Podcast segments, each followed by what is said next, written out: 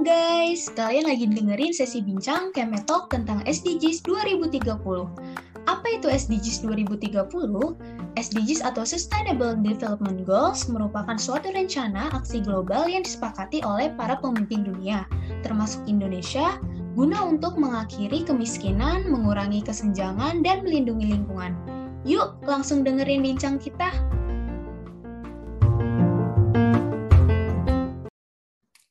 Hai hai hai, halo para pendengar setia Cemetok, selamat datang kembali di podcast kami. Apa kabar nih? Semoga semua dalam keadaan sehat dan bahagia ya. Oke, di Cemetok kali ini bakalan ditemenin sama aku. Uh, sebelumnya kenalin dulu, aku Salsa dari Tekim 21. Dan tentunya di sini aku nggak akan sendirian nih, aku ditemenin sama beberapa temanku dan kali ini kita akan membahas tentang salah satu tujuan SDGs 2030 yaitu Clean Water and Sanitation khususnya bertopik problematika kebersihan air dalam mewujudkan Indonesia sehat. Oke, sebelumnya nih aku mau menyapa dulu nih teman-temanku yang ada di sini. Hai hai, halo guys. Halo. Halo, halo. Halo. Halo. Boleh kenalan dulu dong. Yuk. Hai, kenalin aku Amel dari Tekim 21. Hai, Amel. Kenalin, aku Sinta dari Tekim 21. Hai, Sinta. Halo. Halo. Kenalin, aku Sabrina dari Tekim 21. Hai, Sabrina.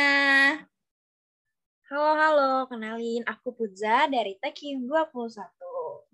Oke, halo Putza. Oke, ini teman-temanku udah pada kenalan semua nih. Langsung aja kita masuk ke topiknya. Oke. Nah, saat ini kan guys, ini kan lagi musim penghujan nih. Kalau di daerah rumahku nih ya, hujannya tuh nggak setiap hari sih. Mungkin hari ini hujan, lusa baru hujan lagi gitu. Kalau di tempat kalian gimana nih? Kalau di tempatku lagi sering banget loh. Kalau di tempatku lebih kayak salsa sih, jarang-jarang itu hujannya. Hmm, gitu. Kalau di tempat Amel nih, katanya sering hujan, berarti banyak uh, air yang tergenang ya, dan pastinya itu kan nggak sehat ya, kotor ya kan, banyak kuman, bakteri, virus, dan bahkan ada nyamuk kayak gitu. Nah, kalau menurut kalian nih, definisi air yang tercemar atau yang tidak layak digunakan tuh kayak gimana ya guys? Oke, definisi air yang tercemar atau nggak layak. Kalau dari aku nih ya, yang jelas air yang tercemar tuh pasti berbau. Bisa aja baunya agak aneh, terus menyengat, bisa juga busuk. Nah, hal ini tuh biasanya terjadi karena adanya polutan dalam air. Misalnya nih, limbah rumah tangga seperti air bekas cuci piring, terus cuci baju. Kan itu terkontaminasi bahan kimia. Terus ada juga pestisida atau pupuk dari limbah pertanian ada juga dari limbah industri atau bisa aja air-airnya itu terkontaminasi dengan sampah rumah tangga yaitu bikin airnya jadi berbau gitu sih. Wah, aku setuju banget nih apa kata Sinta. Pastinya tuh airnya tuh tercium bau ya, karena kan pastinya sudah tercemar oleh polutan. Indikator lainnya biasanya tuh airnya itu berubah warnanya. Contohnya kayak air di sungai yang berasal dari limbah pabrik itu. Jadi hal ini yang membuat air uh, tersebut pH-nya itu tidak netral sehingga tidak layak untuk digunakan. Utam, utamanya dikonsumsi masyarakat. Menurutku sih gitu. Nah, itu tadi pendapat dari Sinta sama Putza. Nah, jadi boleh aku tarik kesimpulan nih ya, kalau air yang tercemar itu kan menimbulkan bau yang tidak sedap, berubah warna, dan aku mau nambahin juga nih, sepengetahuanku, uh, Air tercemar itu juga mengandung bahan pelarut dan endapan yang juga sama juga bahayanya eh, yang tidak bisa digunakan atau dikonsumsi oleh masyarakat.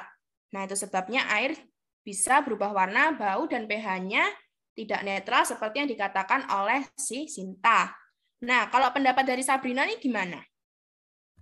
Nah, kalau pendapat dari aku nih, uh, yang dibilang si Putza sama Sinta tadi itu benar Sal, apalagi di Indonesia ini kan sudah banyak kasus tentang tercemarnya air seperti merkuri, limbah pabrik maupun limbah rumah tangga.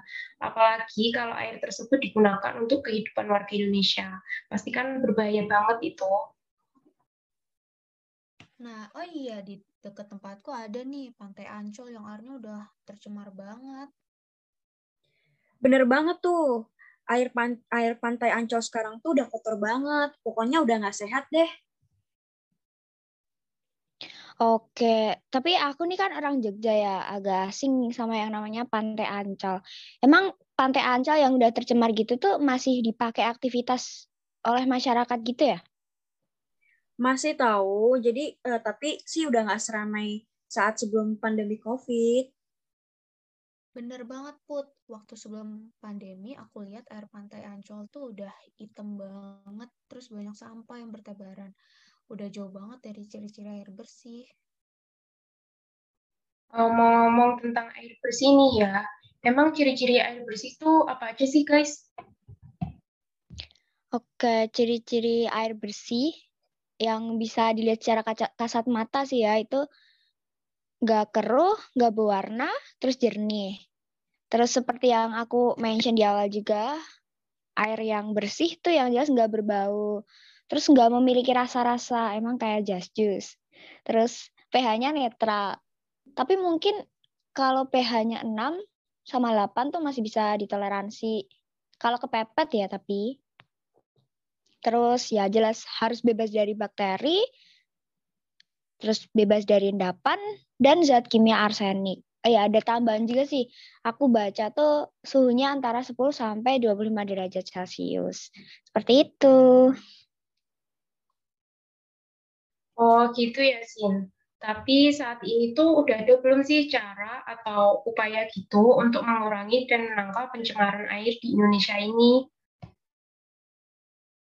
Tentunya pasti ada dong, tapi banyak upayanya itu tuh belum berjalan dengan baik. Tapi tuh ada salah satunya ya, yaitu melakukan pengolahan limbah secara benar. Terus menggunakan bahan bahan ramah lingkungan. Itu sih salah satunya menurutku. Jadi airnya itu tidak tercemar limbah merkuri, itu sih yang paling bahaya. Nah, eh, ngomong-ngomong nih, tercemar air tercemar dengan limbah merkuri. Menurut pendapat kalian nih, air yang tercemar merkuri itu kayak gimana sih, guys? Hmm, biasanya tuh air yang sudah tercemar merkuri itu tuh sangat membahayakan ya. ya dia tuh bisa merusak alam sekitar, contohnya kayak menghambat saluran air dan terus jadi air di sungainya itu uh, menjadi limbah. Hmm. Nah, setuju banget Put. Kalau kita manusia sudah terkena racun, merkuri bisa menyebabkan kerusakan dan gangguan pada organ. Contohnya ginjal, jantung, dan otot. Gila-gila, serem ya ternyata.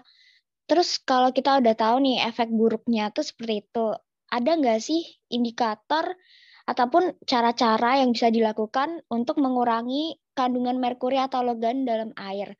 Utamanya tuh yang ramah lingkungan deh. Ada nggak sih? Uh, kalau setahu sih ya, ada sebenarnya indikator untuk mengurangi merkuri dan logam tersebut, tapi itu menggunakan eceng gondok. Hal itu memiliki dampak negatif karena eceng gondok menutupi seluruh permukaan sungai dan melakukan respirasi dengan menghirup oksigen. Jadi itu nggak ramah lingkungan sih. Iya, bener banget, Sap. Nah, jadi kan di ikan-ikan di sungai itu mati ya karena adanya pengaruh eceng gondok. Ada plus minusnya juga sih. Benar banget sih. Uh, semua semua usaha itu kan pasti ada plus dan minusnya. Tadi kan kita udah ngomongin tentang cara mengurangi pencemaran air yang ramah lingkungan ya. Uh, teman-teman tahu sih kalau kebersihan air nih sangat berpengaruh dan membawa dampak yang cukup signifikan terhadap kondisi kita saat ini kondisi kita saat ini kan adalah kita berada di masa pandemi COVID-19. Kira-kira ada nggak sih hubungan COVID-19 dengan kebersihan air nih? Waduh, hubungan apa tuh, Sa? Hubungan tanpa status kah? Waduh, waduh. Waduh, kan banget nggak sih? Waduh. Nih ya, COVID sama air itu punya hubungan yang serius. Seserius apa sih? Seserius aku sama dia. Cucu ya. TBL, TBL. Banget loh. Oke oke guys, sekarang kita balik ya guys, kita balik ke laptop lagi nih. Jadi nih, ada yang tahu gak sih hubungan mereka tuh sebenarnya kayak apa? Kalau setahu sih ya, air bersih itu sangat dibutuhkan saat pandemi COVID-19 kemarin. Karena kita kan diwajibkan tuh sering cuci tangan dan mandi setelah keluar dari rumah. Ya. Jadi kebutuhan air bersih itu uh, lebih banyak dipakai untuk warga Indonesia saat pandemi daripada sebelum adanya COVID-19. Hmm. Nah, ya bener banget tuh. Setuju bingit deh sama kamu, Sap. Hehehe. Nah iya, kalau airnya nggak bersih sama aja dong nimbulin sarang penyakit. Iya, ya bener banget sih. Kayak ibaratnya nih ya, kalau udah ada wadah, ya penyakitnya si virus corona tuh jadi ga, lebih gampang buat menerobos pertahanan imun kita. Yups, bener banget nih pendapat-pendapat kalian. Nah, jadi ini sudah terkuak ya guys hubungan mereka tuh seperti apa. Dan kita tahu nih, berarti emang sepenting itu ya air bersih dalam kehidupan kita, apalagi di masa pandemi COVID nih. Nah, aku ada satu pertanyaan buat kalian nih. Apakah ada peran aktif masyarakat dan pemerintah dalam mendukung kebersihan air? Um, ada sih yang jelas. Ya kali nggak ada sih. Kalau sepenerawanganku nih, Cella, nerawang loh. Udah banyak sih yang dilakukan baik dari pemerintah maupun masyarakat sendiri. Seperti misalnya nih, dari pemerintah itu mereka menyempurnakan pedoman penyelenggaraan hygiene sanitasi. Terus kalau ada orang ataupun badan usaha mau mendirikan usaha depot air minum isi ulang, itu harus ada rekomendasi dari Dinas Kesehatan setempat. Harus melewati inspeksi sanitasi dan hasil pemeriksaan laboratorium juga.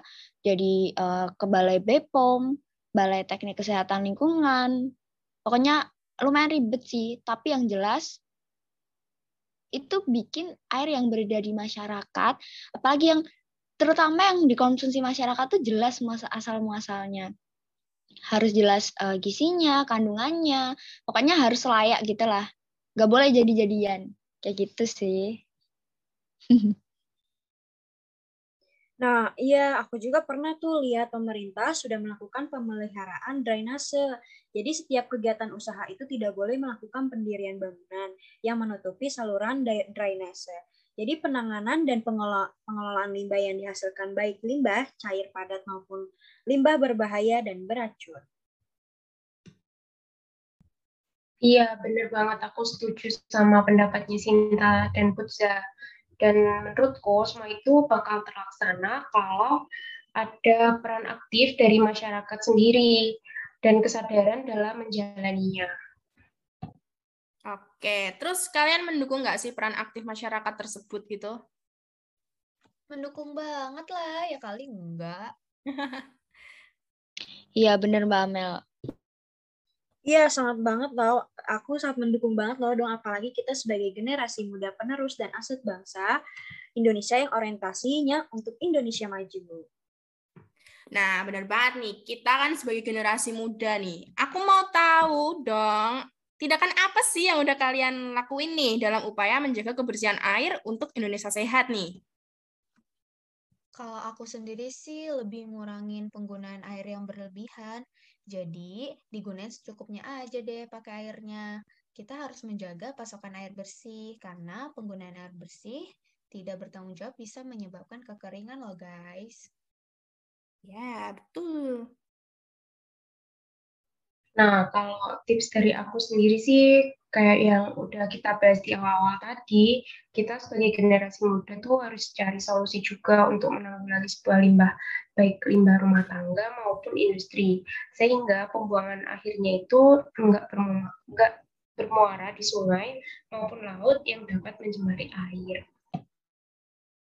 Benar banget nih, aku setuju sama pendapat-pendapat kalian nih. Kita sebagai generasi muda yang memiliki kesempatan untuk belajar, berkreasi, dan berinovasi harus bisa menciptakan ide-ide yang brilian yang dapat bermanfaat nih dan membawa dampak yang baik untuk lingkungan sekitar. Oke guys, nggak kerasa nih ya, kita udah bincang-bincang banyak banget membahas tentang clean water and sanitation.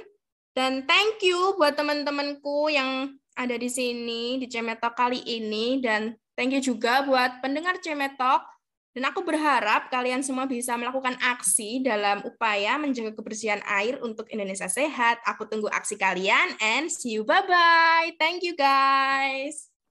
See you. Yo, see you semuanya. Thank you. Thank you. Happy Kiowo. Happy Kiowo.